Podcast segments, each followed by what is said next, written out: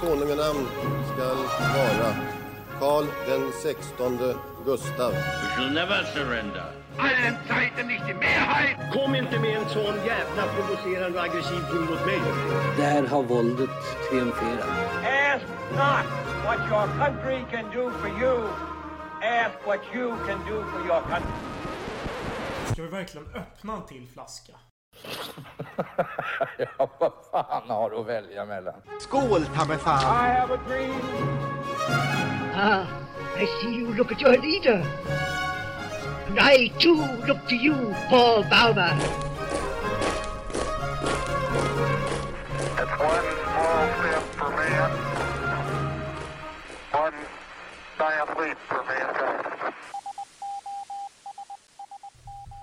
Välkomna till Salongsberusad historia, er berusade subjektiv historieberättare i etern.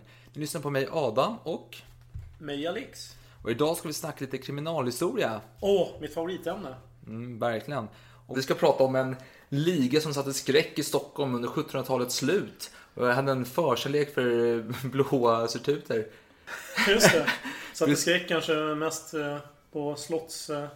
Ja, men då, nej, hela folket var ju drabbat av denna hemska liga. Den aristokratiska ligan som självaste polismästare Liljensberger kallar dem för. Så nu kör vi!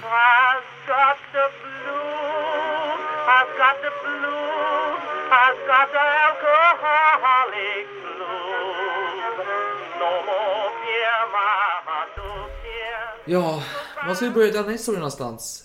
Tycker du? Ska vi presentera kanske de huvudmedlemmarna i den aristokratiska ligan lite kortfattat? Det kan vara en bra början tror jag. Vi kör! Först har vi Karl Fredrik Peklin. Han var politiker, Och general. general dessutom. Och han var med i mössorna och hattarna. Hans rock var tunn som eh, batisttyg tydligen. Den bytte riktning efter vinden. Men vi har också Karl Pontus Liljehorn. Han var överstelöjtnant, väldigt respekterad bland folket. Och hans mor, visste du att hon var amma till Gustav III? Det visste jag inte. Bara en sån sak. Och sen har vi Adolf Ludvig Ribbing, liten vid Livgardet. En obehaglig typ. Ja, helt leverad. Och, och han tog avsked från armén då under det ryska kriget blev han eh, placerad på Vaxholm fästning. Och det tyckte han var ett, ett hån. Han blev politiker sedermera. Ja, ja, absolut. Sen har vi Claes Fredrik Horn. Han var vacker, en greve, en musiker och major. Och sist men inte minst har vi Carl Fredrik Ehrensvärd, löjtnant vid artilleriet. Han var friherre. Och jag vill bara påpeka att det var många fler inblandade i detta. Det var de som fick eh, Sveriges grundvallar att... Eh, Skaka. Som Hans Holmér skulle uttryckt sig efter Palmemordet. I, I boken eh, Olof Palme är mördad. Skjut, ja, Skjuten, förlåt. Ja. Och sen har vi en till kille då. Eh, Jakob Johan Ankarström. Men han var ju... Jag vet inte hur han var så inne i den här. Han Tillhörde inte kretsen Nej. riktigt. Och det var väl låg i sin natur att Ja. han var utanför. Precis. Mm. Men jag vet inte, jag tycker vi ska börja den här historien med att eh, man var lite orolig. För vid riksdagen 89 så hade kungen genomfört sin förening och säkerhetsakten eh, där. Vilket innebar att han fick mer makt själv. Men samtidigt så förlorade adeln många av sina förmåner. Privilegier. Ofrälse fick helt plötsligt eh, tillgång till tjänster som de tidigare inte fick. Och det var ju så hemskt tyckte de. Och allt det här hände faktiskt innan franska revolutionen. Det var Ja, några månader innan. Ja, det var ju... Precis, det var ju där. Så låg i tiden. Och man var orolig och för att eh, det blev hetsigt i riksdagen på den tiden. Så att Gustav III fängslade en hel drös med högt uppsatta adelsmän. Och detta skapade ont, ont blod i leden. Så nu när det var dags för riksdag igen så blev, var man orolig. Det fanns en opposition som först kontaktade Axel von Fersen den äldre. Och, för han har ju varit motståndare i förra riksdagen då. Och bad honom vara med och driva det här, den här skutan. Men han, han sa ta det lugnt, sitt stilla i båten, ni behöver inte hålla på med det här. Låt avvakta och se vad som händer.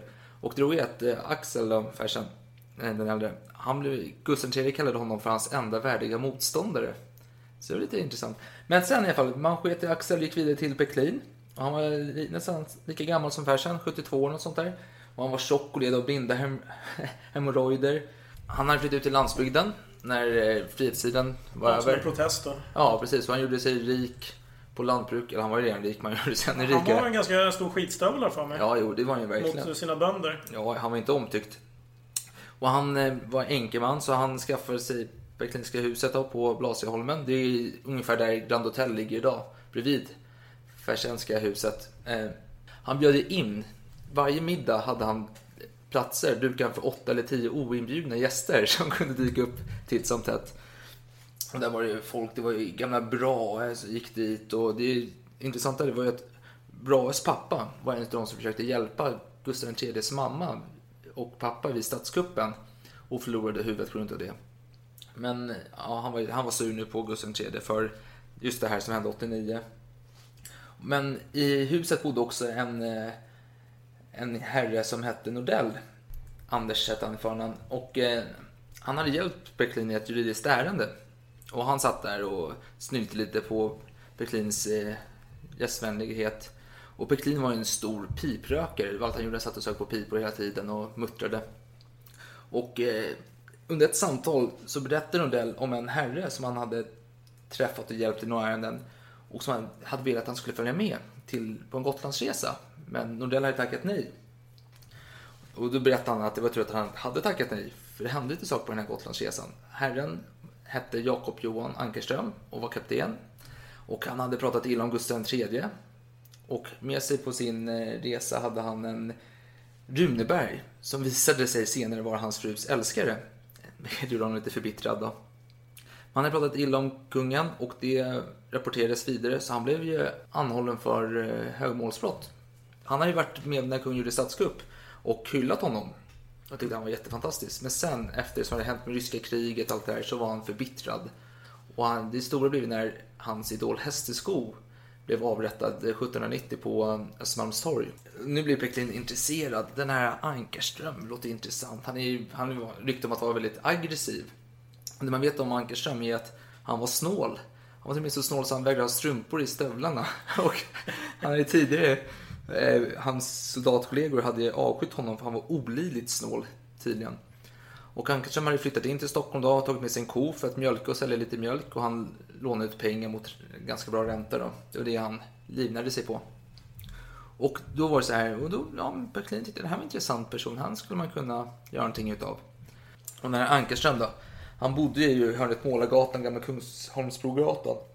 Som idag är Gamla Brogatan. Och eh, ja, och han, alltså, han hängde med sig i en liten kammare på gården då, i det här huset. Eh, och våningen under honom bodde Ulrika och Katarina Linnerhjelm. Och det fick titt som tätt besök utav eh, deras syster. Och hennes man var Claes Horn som bodde på Huvudsta.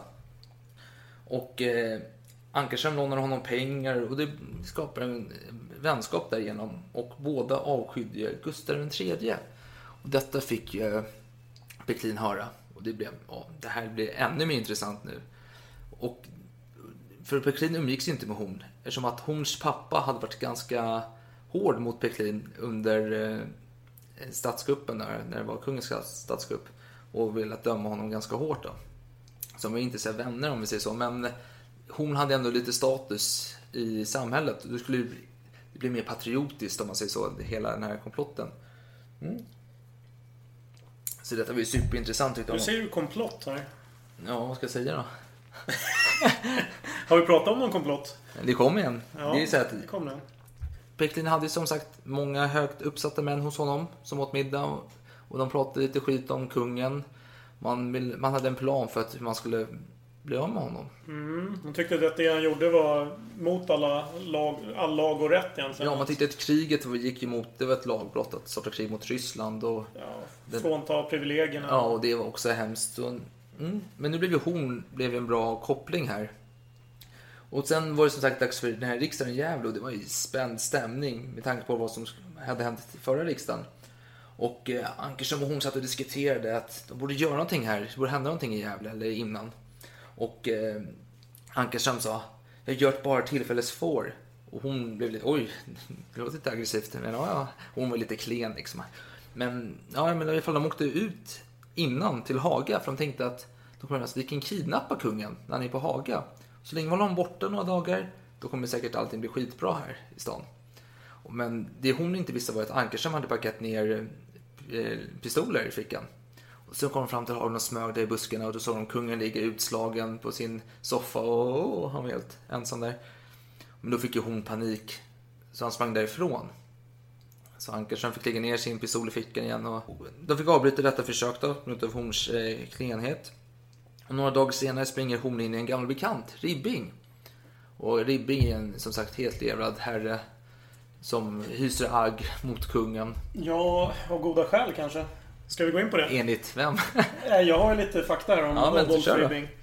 Han ville gifta sig med en Charlotta Eleonora De Geer, som Mm. var dotter till Sveriges rikaste man på den tiden, Karl De Geer. Men kungen hade lagt sig i och eh, medan det här friabrevet var på väg till sin destination så tillkännagavs förlovningen mellan henne och Gustav IIIs gunstling Henrik von Essen. För kungen hade då mutat eh, eh, Karl De Geer och sett till att det här skulle bli av. Och då blev Adolf, Adolf eh, vansinnigt arg förstås. Han utmanade Henrik på duell och sårade honom svårt. Men den här Henrik överlevde ändå och gifte sig med Charlotta. Henrik blev hovstallmästare och Adolf hamnade i onåd. Ja, ja, kungen blev väldigt bestört när han fick höra att Henrik hade blivit eh, svårt skadad i den här duellen. Men i alla fall, de började prata, hon och Ribbing, om det här med kungen och Ribbing, ja han var ju likasinnad. Så hon bjöd hem Ankerström Ribbing på middag ganska ofta. Och hon, hans eh, motiv var ju mycket att hans far hade blivit gripen under riksdagen, föregående riksdagen 89. Och eh, han hade inte fått träffa, han hade ju begärt att få träffa sin far. Men han blev nekad och han blev jäkligt arg då. Då avsked. Men han påstås vara väldigt vacker, han hade en stor aristokratnäsa, en virtuos på flöjt och eh, violin. Och han var underhållare utav rang. Eh, och de, när de satt och snackade om det här kungen så blev, kom de fram till att man borde göra någonting. När, kanske helst på en maskerad eller operan, förestod man. Ja, men det lät ju bra. Och då tänkte man, men hur ska vi kunna skjuta honom på operan? Jo, man skulle kunna ta honom när han byter loge från den stora logen till den lilla logen. Ja, ja, det låter intressant. Men vi måste få en loge i närheten.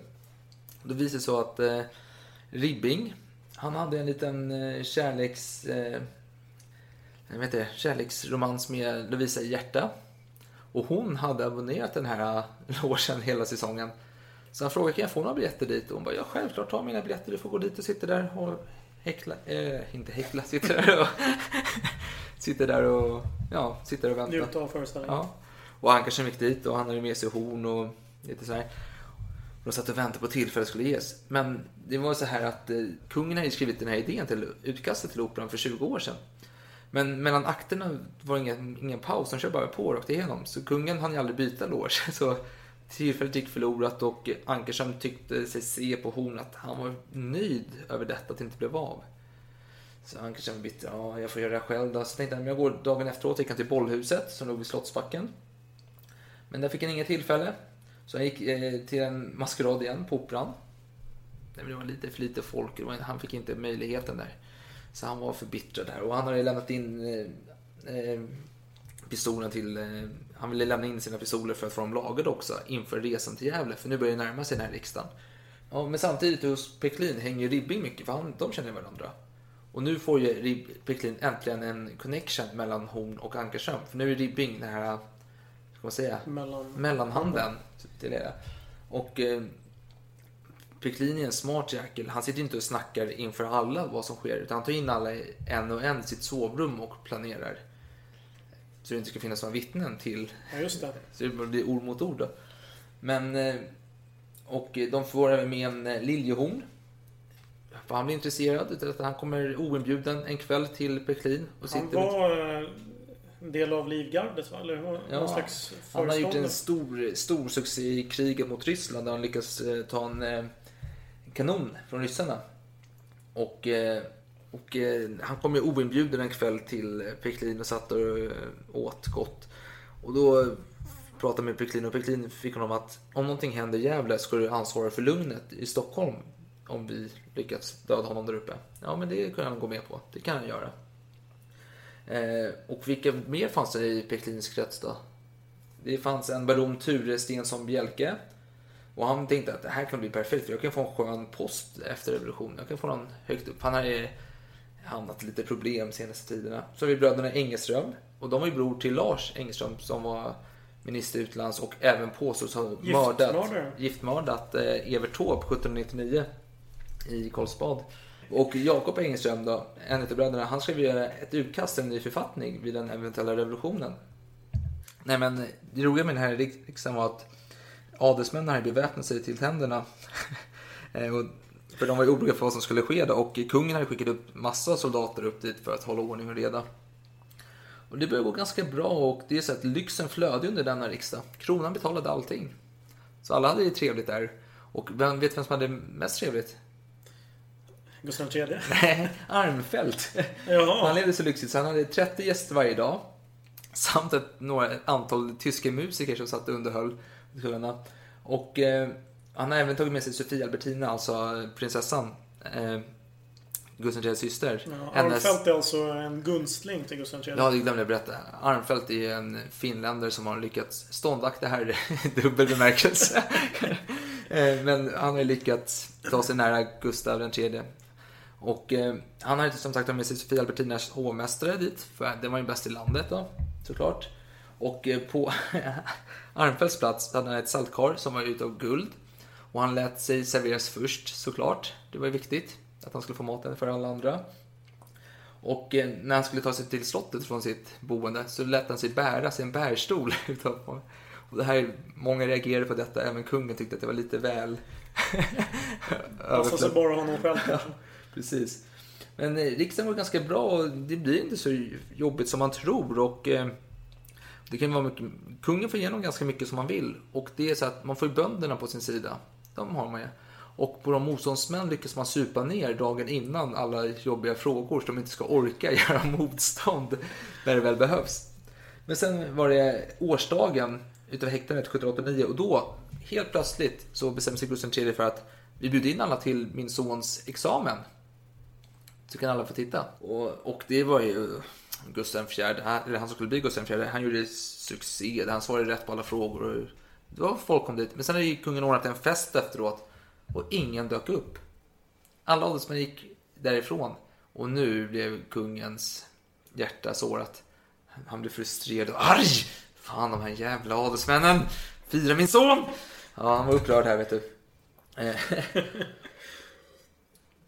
Men, men det gick ändå, det fortlöpte utan större incidenter. En månad in blev Gustav väldigt otålig och det började ryktas om myteri bland en garnison. Och nu helt plötsligt blev ju bönderna skeptiska. Varför då kan man tro? Jo, för det var en brudskatt ifall Gustav III skulle gifta sig som Gustav III ville införa. Och det tyckte man, fan inga fler skatter nu, helvete. Ja, och, men det var en man man var extra rädd för under riksdagen i Gävle. Förvisso drog ju Ankarström runt där med vapen och letade efter det tillfälle att skjuta kungen, men det var en annan man man var rädd för. Det var Ribbing. Och varför var man rädd för Ribbing? Jo, det var så här att Gustav III hade blivit spådd av en spådam i Sankt Johannes kapell. Och där varnade hon för att den första man i röd väst som man skulle möta skulle bli den som dödade honom. Och den första mannen han mötte var Ribbing. Men sen är det så här att kungen vill avsluta hela riksdagen på en god not. Så han ger Klas Fredski Vasaorden. Och eh, det var ju som sagt en försonande gest utav konungen. Och eh, vem var den här Fredski? Jo, han var en ekonomiskt kunnig man som hade arbetat för mössorna och gjort stor succé under frihetstiden.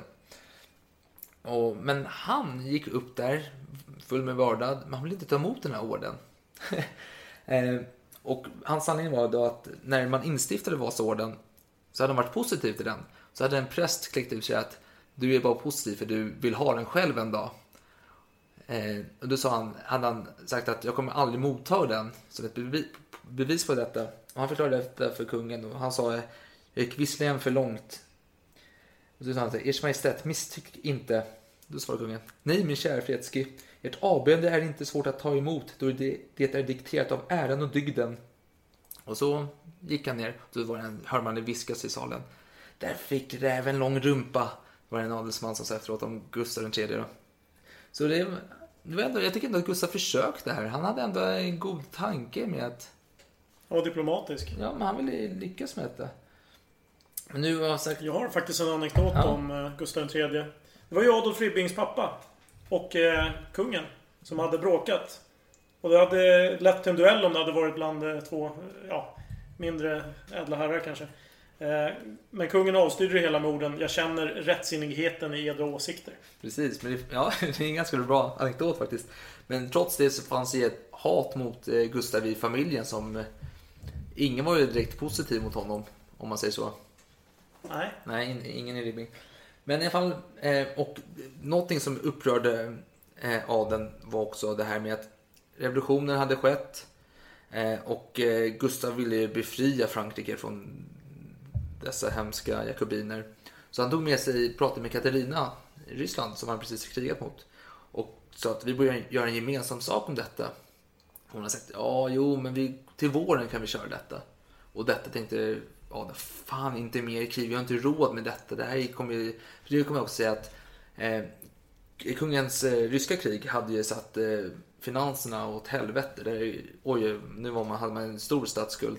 Det var ju någonting de fick reglera i den här eh, 1789 års akt också. Ja. Eh, Att de har tillsatt någon speciell organisation för att se över den här stora statsskulden. Mm. Som hade liksom skenat från det här kriget. Precis som man var rädd att han skulle ge sig rätt att ta pengar från en speciell eh, ja, bank, eller jag vet inte vad man kallar det för. Men, och man har ju tryckt upp nya eh, sedlar som skulle funka som ett parallellt betalningssystem och sånt där. Och det, blev, det var mycket, mycket oroligt här.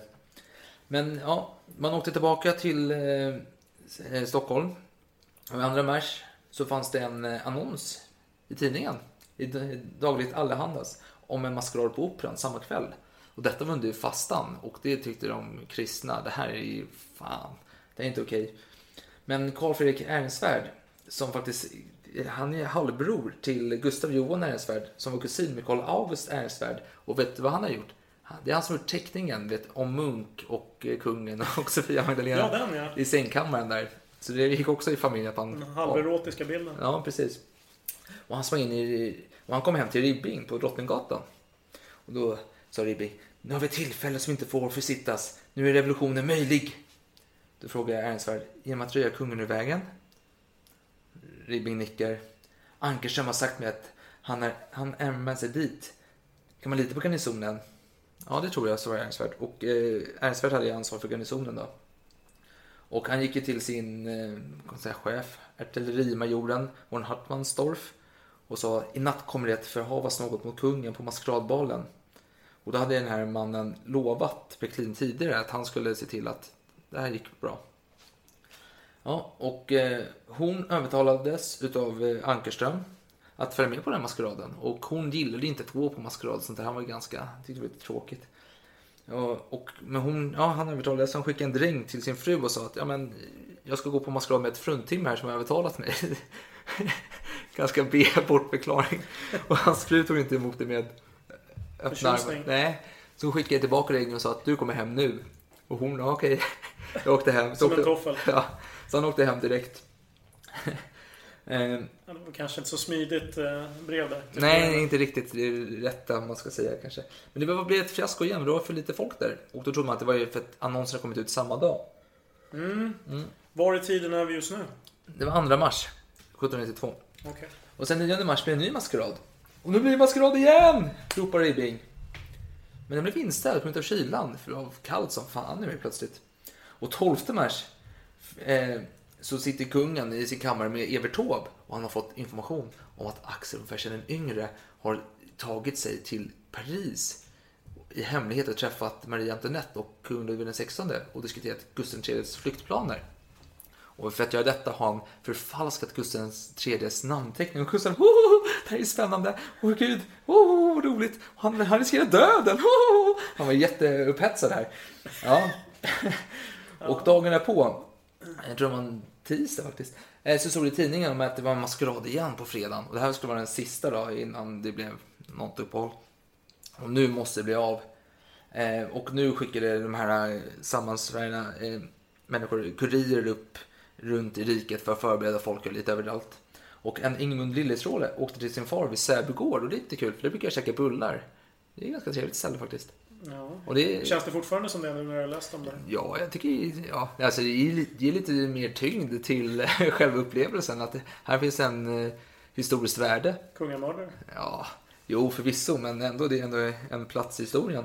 Huvudsta gård då? Hur ställer du till det? Ja, jo, det är ett förfallet ruckel, det är inte att prata om. Eh, Men nu ska man, nu, nu har vi chansen här att eh, dräpa eller mörda konungen. Och så man möttes i Huvudsta gård av Ribbing, Horn och eh, Ankerström. Och man gick igenom planen. De skulle mötas på Operan. Ankerström skulle fixa eh, dominomask åt Horn. Eh, Horn skulle byta om hemma hos Ankerström på kvällen innan då. Och sen skulle folk samlas kring kungen och då skulle Ankerström skjuta. Alla skulle, och det var kännetecknet för dem, alla skulle ha svarta dominos och eh, tvär, eh, tvära stövlar. Det var så man skulle känna igen varandra. Och skulle Ankerström bli dödad på plats, då skulle de andra grevarna ta hand om hans fru och barn rent ekonomiskt. och Se till att de fick det bra. Ja, och det bestäms att vi möts här igen i Huvudsta gård imorgon, fredag, innan vi går dit. Eh, och Ribbing gav sig direkt till Peklin. Och där mötte han ju Ture Bjelke, Jakob von Engeström, Och Peklin var riktigt nöjd. Han satt med sin pipa tjock och jävlig. Och det här låter bra gossar. Ja, ja.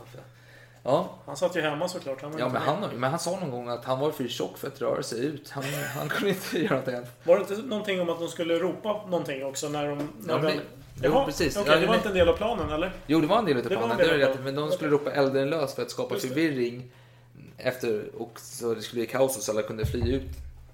Eh, och eh, Lilje- Liljehorn då, han fick lite samvetskval eh, utav detta. Han tyckte, alltså han, han gillade inte kungen. Eller han gillade kungen, men inte det som hade skett senaste tiden. Han var, det kändes inte rätt att döda konungen. Så han började skriva ett varningsbrev här till kungen.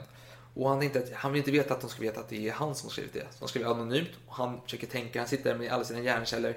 Hur ska jag få dem att förstå att det inte är jag? Jo, han skriver till exempel så här. Att han inte är ingenting mindre än en hovman. Oj, oj, oj, nu kommer vi inte misstänka honom, tänkte han. Mer skriver han också att han var med i, under riksdagen i Gävle, att han var där. Oj, oj, nu kan man absolut inte misstänka honom, för han var ju hemma i Stockholm då. Du skulle man inte kunna misstänka honom, det säger sig självt. Och han, eh, satt och han, han var riktigt nöjd med det här brevet. Så han gjorde, skrev rent det då. Och medan han höll på med det så knackade det på dörren. Då var Jakob von Engelström på besök.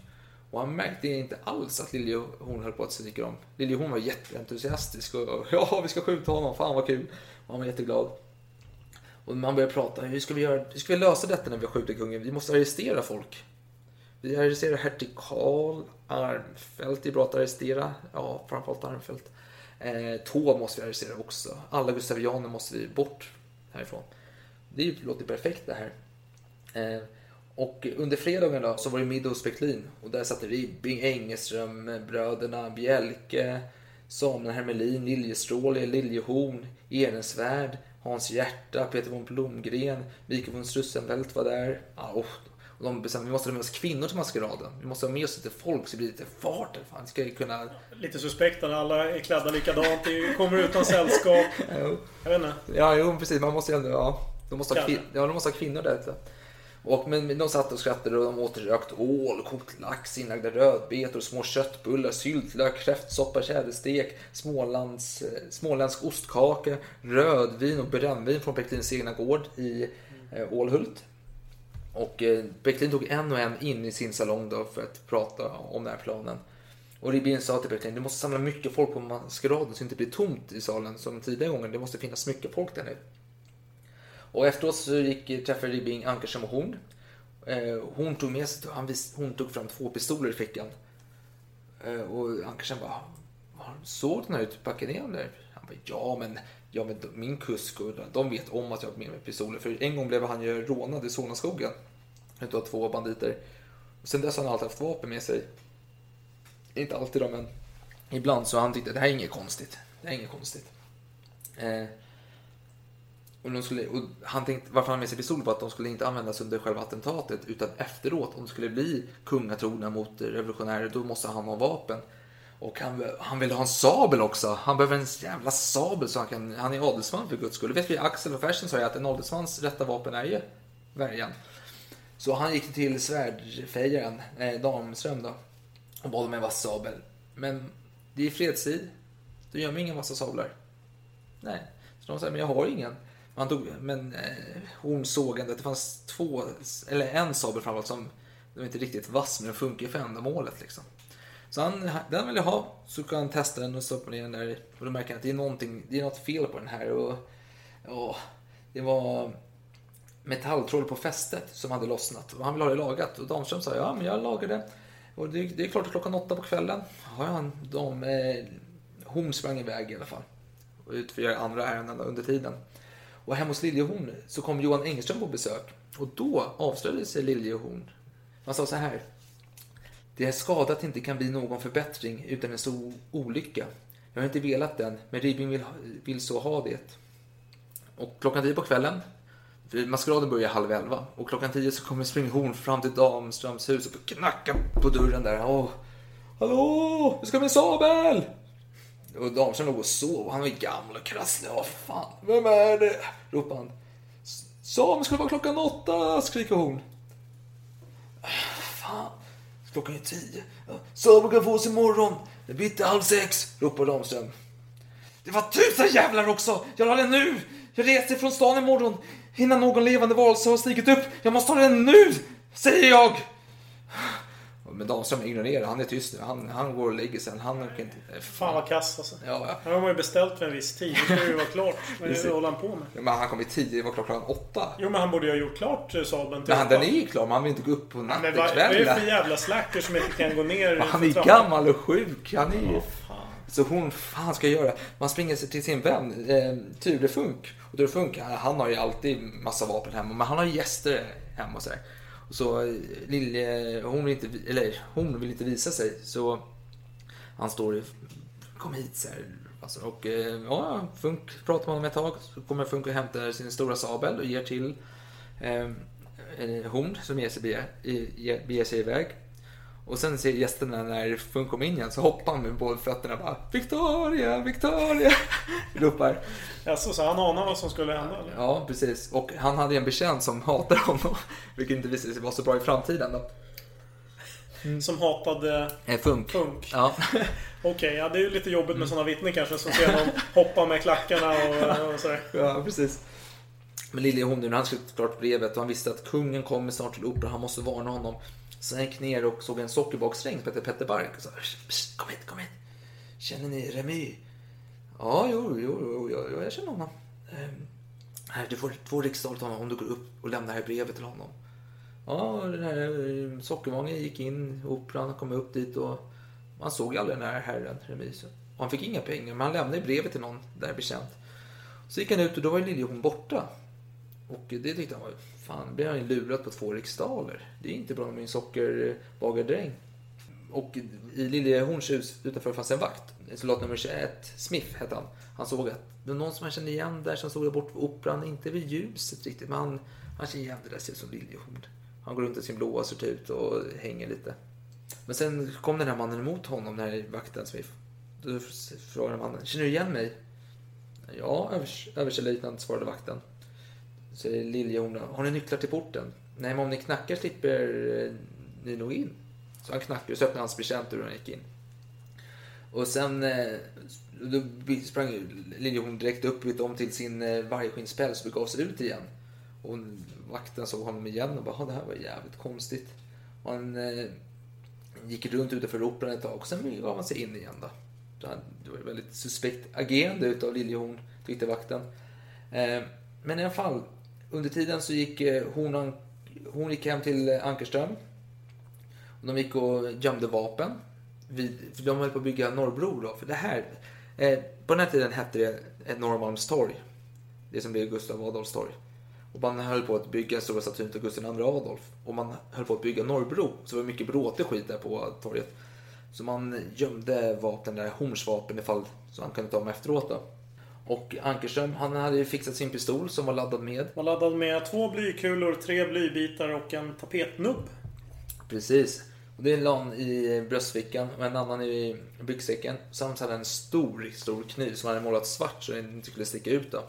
Men en fråga. Ja. Eh, nu gömde man hornsvapen under Ja. bron. Men eh, det verkar inte som att man muddrar gästerna i och med att Ankarström kommer in med Ja men fan det är Fullt. maskerad. beväpnad. Ja. Man ska- det kan man inte muddra gäster. Det Nej, men varför, varför gömde hon vapnen? Varför kunde hon inte ha med sig dem in? Men för, det, om något skulle ske, han ville ju han ha ville det- inte vara misstänkt. Han ville inte vara huvudmisstänkt i alla Nej, fall. men, Nej, det förstår man. ja, det vill man Men, inte. men då var det liksom uppenbart att det var inte lika allvarligt om Ankarström ertappades med vapen som Nej, hon men- gjorde. Nej, men Ankerström var ju lite eh, redskapet. Han, Mm, men han eh, erkände sig som det också. Han Ja. eh, godtog sin roll. Jo, absolut. Och han ville inte ha med Peklinjen att göra egentligen, Ankerström. Han ville inte vara där. Han ville bara... Han hängde med hon och Ribbing. Det var nog för honom. Han ville inte beblanda sig för mycket här. Utan han ville ha... Han var... Ja, men, Han var motiverad helt Ja, enkelt också. precis. Det var inte bara att han gjorde någon tjänst för någon, Ja. utan han ville ju göra det också. Precis. Men det var så att... Eh, Maskeraden började halv elva, men man visste att man behöver aldrig komma dit i tid. Man kommer lite senare. Det tar ju... Så är det här också. Ja, precis. Och de gick in dit i alla fall och när de kom dit ett tag så stod det eh, nio svarta domino i grupp och talade. Man gick dit och snackade och de stod under den 40-pipiga kristallkronan som prydde i taket där. Och det serverades kaffe och te och likör och det var festligt vet du.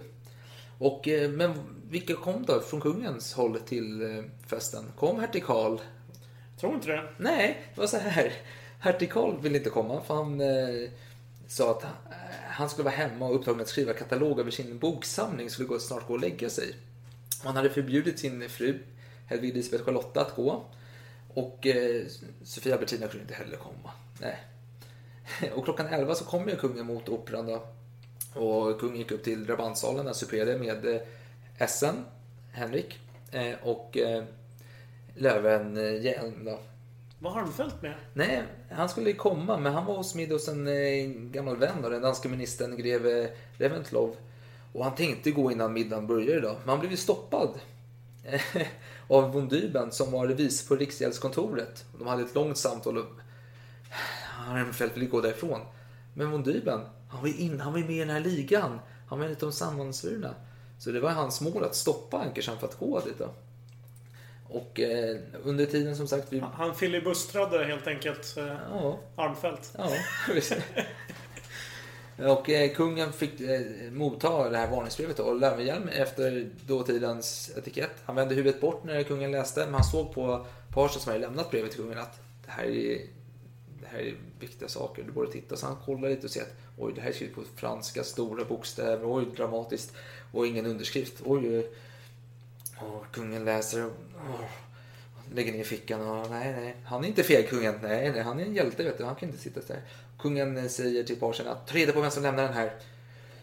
Ja, efter måltiden frågar Löfven, är inte dags, dags att vi maskerar oss och drar iväg nu då?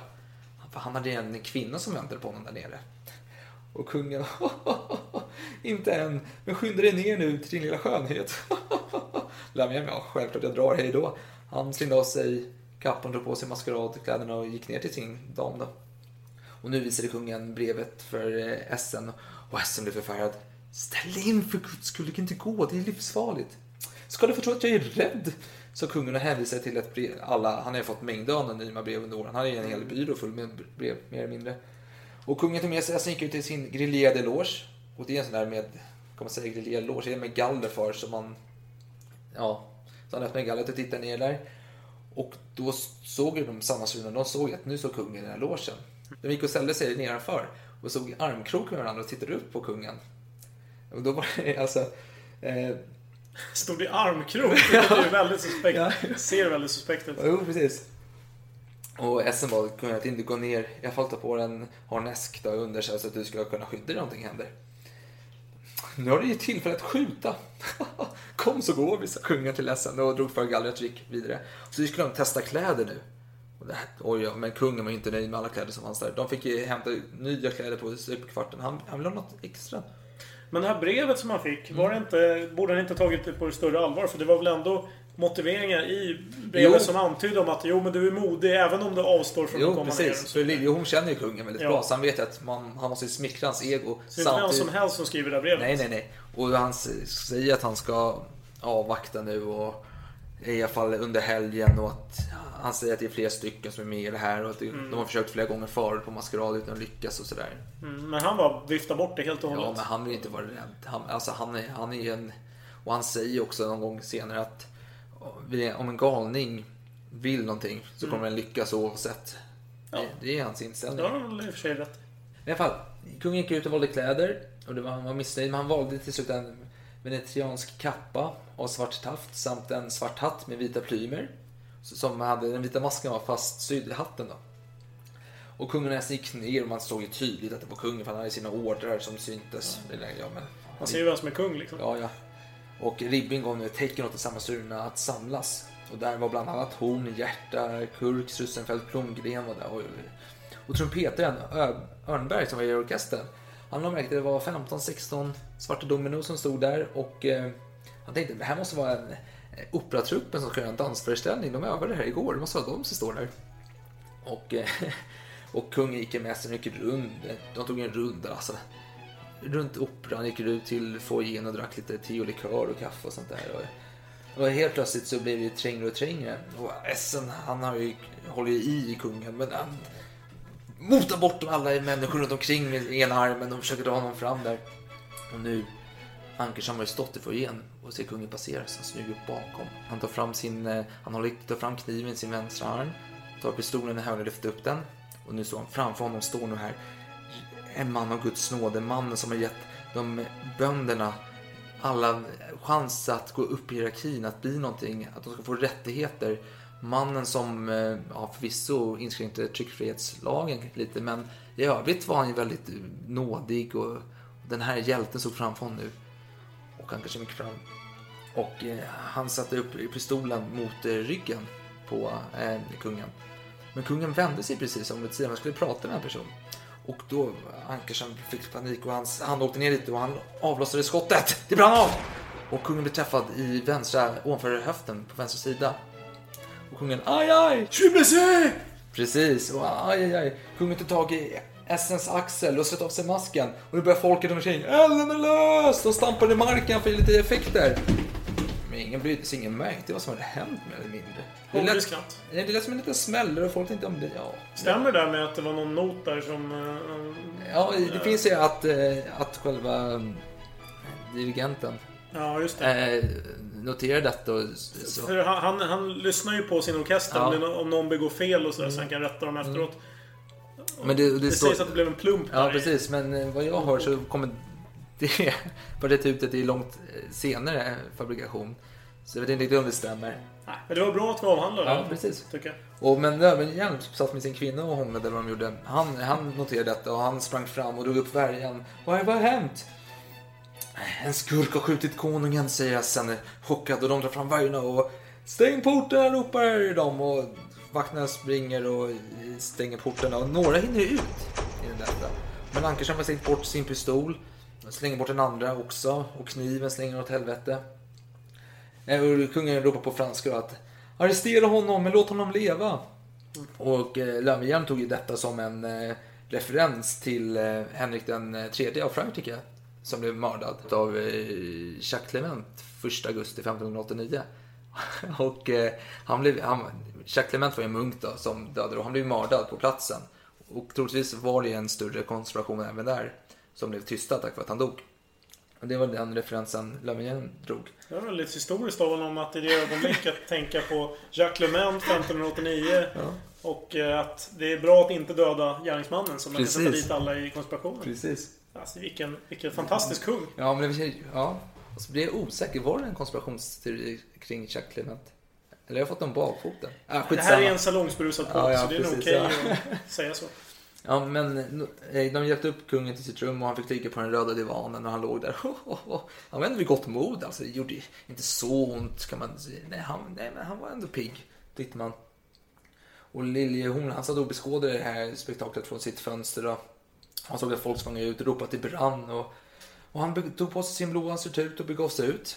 Ja, och, och han fick höra från en vakt på operan att kungen var blesserad och han begav sig till Peklin för att berätta detta. Men Peklin, han är en slug räv alltså. Han, ingen fick komma in till Peklin den kvällen. Han hade stängt dörren och låst. Och så det var bara någon betjänt som öppnade så vem är det som frågar? Och ingen ville uppge sina namn då ifall det skulle användas emot dem. Så, då, så eh, Liljenström, eh, Liljehorn begav sig hem igen. Och nu är det så här att eh, flera av de sammansvurna går runt, på, runt omkring operan. Och eh, operachefen upptäcker det väldigt många adelsmän som är ute och går denna kväll runt operan precis. Det är, det är lite ovanligt många faktiskt. Det, var ändå, det var lite bättre väder då, men det var inte så toppenväder kanske. Nej, sades inte att det var ganska kallt även den kvällen? Att man funderade på att ställa in, men att Gustav III insisterade? Jag vet inte, det var ju återigen då från den här sammansvärjningen. Jag vet inte om det stämmer. Ja, jo, det stämmer nog. Ganska bra. Men sen var det så här, Casimir Rune- Reuterskiöld fick i uppdrag att hämta hertig Karl och berätta vad som hade hänt. Och nu, nu finns det i och för sig olika uppgifter om det här. Två källor som jag läst nämner det ena och det är det att när de kommer fram till eh, hertig Karl, och det här är ju sent på kvällen, det här är ju efter tolvslaget. Då står hertigen fullt påklädd i sin amiralsuniform. Och han, och en annan uppgift är att han sover då, men jag vet inte vad som stämmer. Men det får mig... Jag tänker mig så här, han är en hertig. Han har självfallet betjänter som tar emot eh, folk som Ja, vill honom någonting. de. Och, och då informerar de honom att nu är det någon gäst på besök. Då är frågan, infann han sig inom typ en minut ner dit? Det skulle tala för att han var fullt påklädd Ja. när han hörde nyheten. Om det däremot tog, inte vet jag, en 15 minuter. Ja, nu vet jag faktiskt inte självklart, men han har ju sagt tidigare att han skulle skriva katalog över sin boksamling och snart gå och lägga Mm. sig, han har sagt som ursäkt för att inte gå dit. Så om man ligger och sover så får man ju köpa hans ursäkt. Men om han stod vaken i sin amiralsuniform klockan halv ett på natten. Det är inte helt omöjligt. Tänk dig så här. Han har sin fantastiska militära karriär som han vill katalogisera. Fantastiska! Utifrån hans ögon sett. Så han håller på att katalogisera. Hur kommer man i en bra... Får man en bra sinnesstämning? Jo, man klär sig i sin finaste Jo. uniform. Och så bläddrar man. Ja, Men han var ju trött sa jag. Han skulle gå och lägga sig snart. Fan, han är ju för fan hertig. Han säger vad som helst. Ja, ja. ja, ja, ja. Nej. Ja, men hon nu- fick uppgift att hämta honom och hon tog med honom till slottet då. Eller till operan. Och nu under tiden så... Eh, de sammansvurna, de tog ju avstånd från Ankerström. Hon och Ribby stod och pratade men ingen ville kännas vid Ankerström. Så han gick runt där själv och eh. Under förhören då eller? Nej, alltså under när de väntade. För de har ju stängt alla portar, ingen fick ta sig ut. Ja, ja. Det var ingen som ville stå bredvid honom. Nej, precis. Och eh, sen sa man att eh, alla blev tvungna att avmaskera sig. Och det ville inte den här sammansvurna. De gjorde lite protester mot det. Vi ska inte ta av oss maskerna. Sen kom de på att fan, det kan ju se lite dåligt ut om vi vägrar. Vilka genier alltså. Jo, de, de, är klädda likadant allihop. Jo, vilket vi, i och för sig inte är helt dumt tänkt. Men Nej. i och med att man vet att de kommer stänga salarna ganska snabbt. Och, Ja, men inte om deras plan att alla skulle få panik trodde att elden brann. Skulle de ju... ja, men för fan, det är livgardister som vars enda uppgift är att stoppa Jo, men, förövare. ja, men, jo, men tanken är så här, om alla får panik och tror att det brinner, då springer alla ut, blir det kaos, då kan man smita Ja. ut. Men ja, man kanske Jo, men- hade kanske behövt lite mer rekvisita än att ropa elden alltså stampa i marken. Det var lite tafatt kanske. Hade någon bara tänt eld på någonting, då Ja, hade det ju varit precis. skitbra. Varför Ja. gjorde de inte det? Ja, bra fråga. Ja, du borde varit med i gruppen. Nej, jag vill ta avstånd från kungamördare faktiskt. Men i alla fall, och inte mer nog med det, det var inte bara de sammansvurna eller aristokratiska ligan som tyckte att detta var hemskt. Det fanns ju maskerad i en tillställning där frälse och ofrälse, diverse människor samlas under maskens gång. Och det var en major som hade klätt ut sig till kvinna och tyckte att det var väldigt pinsamt att han skulle avmaskeras. Så han var att få rikta kläder till sig tillskickat då. Fan, det där är en bra inblick i 1700-talets Sverige ändå. Att de här eh, transvestiterna fick en chans nu på Ja, de här banorna. Ja, precis. Det var Jag vet ju... inte om Gustav III uppmuntrar sånt kanske. Ja, ja. Vem vet? Han var väldigt öppen. Jo, men Ribbein tog chansen och gick fram till Löwenhjelm då som eh, var vakthavare under den tiden. Och frågade hur stod det till med kungen? Och, och han sa men det är lugnt, ingen fara. Då svarade Ribbing Gud vare tack, måtte den rackaren bli gripen. Och Ankerström han gick och träffade den här trumpeten Örnberg som hade sett 16 stycken likadant klädda män stå i en grupp och härja. Och Ankerström frågade, såg ni vem som sköt? Och Örnberg svarade, ja det gjorde jag. Då svarade Ankerström, det vore för väl om man kunde få tag i honom. Och Örnberg tyckte, men här var en trevlig kille, jag kan, vill du ha ett glas punch? Ja, ja, Ankersson gick upp en våning och tog sig ett glas. Och Ankersson ville inte ha glaset plötsligt. Han var inte sugen på att dricka. Och bad, erbjöd sig att betala för den. Men Örnberg, nej, det var jag som insisterade på att köpa den här glaspunch till dig. Jag bjuder. Och eh, då frågade Ankersson, hur såg han ut han som sköt egentligen? Svarade Örnberg, ja, han var ungefär er längd och likadant klädd. Och då Ankerström låtsades, han körde en klassisk manöver. Ja, tja! Sa han och bara gick iväg. Ja, ja, ja. Han trodde att han kände igen någon där borta som gick och Just pratade det. med. Ja, den, den, är, den är stabil. Intressant. Men där har vi ändå ett vittne som säger att han var av den längden och så vidare. Ja. som sköt. precis. Det är intressant. Vi kommer återkomma till det tror jag. Mm. Och, sen, och nu kommer ju Arnfeldt till operan. Och han försöker ta sig in i salen. Och då säger vakten, och du får komma in, du får inte komma ut härifrån. Och Arnfeldt, han, fan, han är ju stor, ståtlig här. Alltså inte stor fysiskt, men stor psykiskt. så, så han var fan, så säger den här vakten att kungen blivit skjuten och då Ankersson, han får ju panik. Han springer direkt upp och han höra att kungen är uppe en morgon. Nu sa du Ankarström, men du Nej, menar ja, förlåt. Arnfeldt, förlåt, mitt fel. Arnfeldt. Och han springer upp och han, och han kommer knappt upp för trapporna. Han är helt rörd och chockad.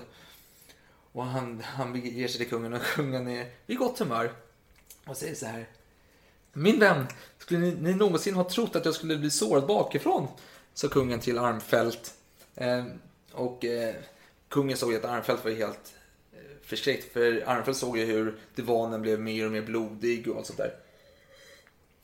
Så kungen sa, var inte så förskräckt min kära Armfelt? Ni vet vad det är att vara sårad. Det här är ingenting. Det gör inte alls ont. Du kan hämta lite eh, parfym och sånt till mig. Vet. Så Armfelt fick fixa och... Det kom, nu kom ju massa diplomater dit och beklagade sig och sådär. Och kungen visste vem som hade skjutit honom. Han sa så här. Skicka någon att se efter om La Perrière är hemma eller ej. Jag tyckte att det var han som stod nära in på mig. Och vem var då denna La Perrière? Ja, det var en fransk skådespelare som hängde i Stockholm då, i en trupp. Och han var jakobin. Just det. Var det inte så att Gustav III var väldigt misstänksam mot någon sån här teatertrupp? En fransk teatertrupp. Mm. Ja, det var där han härjade.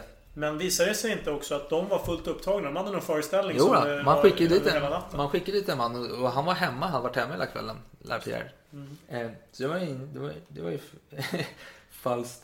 Det var ju lite synd. Det Ja. hade ju varit lätt uppklarat Ja. annars. Och utanför slott, eller operan så promenerar Johan Engelström och Nordell och Netzell och alla de här människorna. De ser ju hertig Karl kommer dit i vagn och springer och ser de också en annan herre, Liljensperre. Vill du berätta lite om honom? Vem det är? Liljensparre. Jo, han hade gjort sig känd som eh, väldigt duktig polis Mm. under den här tiden. Jag vill minnas att Tore Forsberg, eh, Säpo-chefen, sa någonting om att eh, han var egentligen Sveriges instiftade Sveriges första säkerhetstjänst. För han hade ju en massa spioner utsatta under den här tiden. Ja, någonting som han senare fick kritik för eh, efter då det här dådet. Ja, vi ska inte peka ut någon namn kanske. Eh, Men han var i väldigt god nåd hos Gustav III. För att han Mm. utförde en del vad ska man säga, suspekta ärenden åt honom. Han, han, till och med sånt som kan tänkas vara olagligt eh, var han villig att utföra. Så att han Ja. var i väldigt god nåd hos kungen. Men Ja. han var väldigt eh, illa omtyckt av, av andra helt Ja, enkelt. För att han, eh, för, ja, han gjorde det Gustav III sa att han skulle göra. Och det, och det var ju inte så... Men det var ju så här att eh, han såg och spanade mycket på Peklinus hus för han visste att där var ju en bunt eh, skumma typer. Mm. Och Peklin och de var medvetna om det och de visste att han hade spioner utsatt överallt. Så när de gick in och pratade så fick ju deras eh, pigor och annat folk så göra massa oljud. Antingen så slå i kastruller eller spela på klaverspel och sånt där. Det är någonting man ser faktiskt i en scen i, återigen, i sammansvärjningen. Ja. Att så fort Peklin hörde någon säga någonting som var lite för eh, Mm. illa helt enkelt mot kungen. Då direkt gjorde han en gest mot någon betjänt som Ja. kollade, öppnade dörren och kollade att ingen var där Ja. och, och sådär. Gav Jo, klartecken.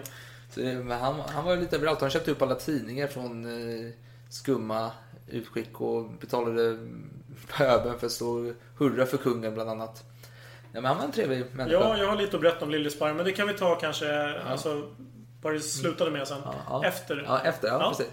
Ja, men, eh, och hertigen sprang in till Gustav och han ropade Bror Gösta, Bror Gösta! Och han var så, han var så, oh, oh, hjärtats bulter och han fick, och han var tvungen att sätta sig ner och ta det lugnt ett tag och han var ju så upprörd här. Eh, och Lisberg, han var ju en metodisk polis. Han gick ju runt och han fick, här är vapnen som vi hittat och han undersökte dem. Ja, jo. Och en, ena pistolen var ju ganska nära utgången så han tänkte att han, han har lyckats fly den här gärningsmannen. Han lyckats komma undan innan de stängde portarna. var deras första tanke. Mm. Eh, och, eh, men han märkte att på ena pistolen så hade det varit en lagning nyligen. Så, Ja, och det var inte vilken lagning som helst. Det var inte en dåligt utförd lagning. Det var ju någon proffs som hade gjort det. ja. Jo, alltså, nej, det var som en pistolsmed eller sånt där som gjort det där. Ja, vapensmed. Vapensmed, ja. Så, men den ena episoden var ju bättre lagad än den andra visar det sig. Vad sa det Liljesparre? Jo, det här är någonting som har utförts eh, nyligen. Så att kanske i nära, alltså i Stockholm möjligen. Så då kan det vara värt att undersöka vilka vapenhandlare som har gjort just den här typen av eh, korrigeringar. Precis. Ja, jo, absolut. Det var ju mitt i natten detta. Men man skickade ut folk för att eh, knacka på sig alla vapensmeder och fråga om de kände igen de här. Ja, hotar de säkert också. Ja, men det hör ju till. Ja. Men under tiden så kom ju eh, den hovkirurgen, läkaren Hallman. Och han kom upp och han, han är ju bråttom, kungen är skjuten, han måste springa dit upp. Och kungen, han, han, är, han är road. När han ser hur Hallman springer upp där, han bara Se hur min tjocka Hallman pustar. Han, han, är, han har roligt Gott humör, alltså. Ja, verkligen. Han är positiv. Han säger Ja. glaset är hälften fullt. Och nu skulle han flyttas till, nu skulle man flytta kungen till slottet. Nu tänkte man, nu är det dags. Och ja, han bär sig ut eh, till eh, vagnen då. Och han tackar alla som är nära honom. Och han är väldigt, han är lite som påven här faktiskt. Han sitter och, och skakar hand med alla och Han tackar. är god och glad. Och sen när man skulle flytta honom ut till eh, slottet måste man bära upp honom på en stol då, upp på slottet. Och då ropar kungen Titta! Jag är som den heliga fadern. Man bär mig i procession. Han är ju väldigt trevlig. Härlig. Men hon får lite panik här. Han, fan, han går fram till Klingelsbor som är vakt där på operan och säger Du, min fru är sjuk. Jag måste åka hem till henne. Och Klingelsbor känner ju hon lite så han bara, ja, självklart du får gå ut. Så han, han släpper ut honom utan att han behöver identifiera sig mer än så. Och eh, hon springer ut direkt på eh, Norrmalmstorg då. Det som idag är Gustav Adolfs torg. Gustav Adolfs torg heter det. Eh, och han hittar sina vapen och slänger ner pistolen i vattnet. Men Saben tänker han slänga ner. Men jag tänker, fan det här är Funks vapen. Nej, den tar jag med mig.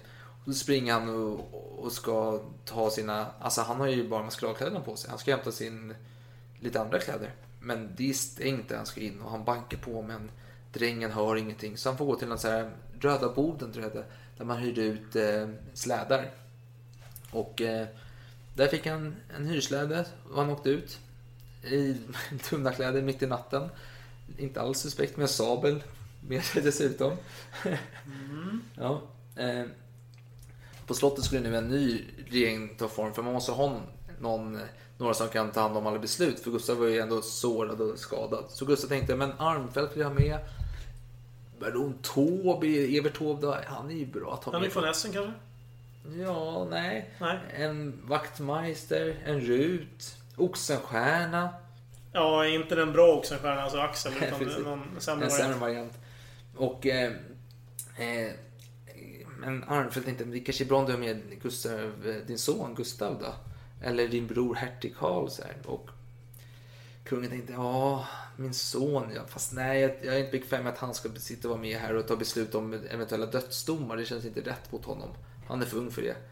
Och hertig Karl, att han inte blev tillfrågad, fick ingen förklaring. Det var, kungen ville inte kommentera det. Men sen blev Armfelt var, var, var övertygande. Så okej, hertig Karl då, sa Gustav. Han får väl vara med på ett hörn då. Och det var så att alla hade ju varsin röst. Alla var ju jämbördiga i den här röstningssaken då. Eh, och eh, nu var som sagt, när hade Liljesberg hade skickat ut folk på jakt efter eh, vapensmeder och. Och man stängde ju alla eh, tullar också. Ingen fick ju lämna Stockholm. Man eh, återkallade all post som hade skickats ut från Stockholm dagen innan. Man vidtog alltså bättre åtgärder än man gjorde efter mordet på Olof Palme. Ja, det gjorde man Och verkligen. det här var alltså flera hundra år Ja, ja precis. Och till slut knackade man på hos en Anders David Kaufman, pistolsmed. Och han kände igen de här pistolerna. Jo, men det var ju han som hade lagat dem. Man vill inte säga vem det var. Nej, det kan hända någonting om jag säger vem, vilka det är. Alltså, det, nej, jag vill inte, han vill inte kommentera det, men de var ihärdiga, de här poliserna. Okej då, det är Jakob Johan Ankerström. Och han ville ha dem eh, innan Gävle, det var bråttom att skulle vara gjorda innan Gävle då. Han skulle åka upp till riksdagen där. Ja, ja men då så, då åker vi till Ankerström då och tar honom, sa man, tänkte man. Och på morgonen hade Ankerström vaknat, gett- sig ut på stan och träffat sin bror på eh, Norrlandsgatan, hur det var. Och då hade han sagt till sin bror, om någonting händer mig måste du ta hand om min, eh, mitt barn. Ja, jaha. Brorsan fattade ingenting. De var ju onåd med varandra, för det var ju någon tvist där. Men eh, sen så kom polisen och de fann Ankerström i, hans hem. Han satt i sin kammare. Han, ja men jag är skyldig. Jag tar mig. Han gjorde inget motstånd. Han erkände direkt och sa, men jag var ensam om detta. Det var helt och hållet mitt ansvar. Jag planerade, jag utförde. Ingen annan än mig. Men det var inget han erkände på teatern egentligen? När... Nej, för det glömde vi berätta kanske. Mm. Att eh, alla fick ju identifiera sig på teatern. Mm. Och en efter en skriva vilka de var och var de bodde och så vidare. Och då, då hade Ankerström sagt till Liljesberg att Goddag, ni misstänker inte mig. Där. I, I skarp kontrast då mot det här tydliga erkännandet Jo, senare. precis.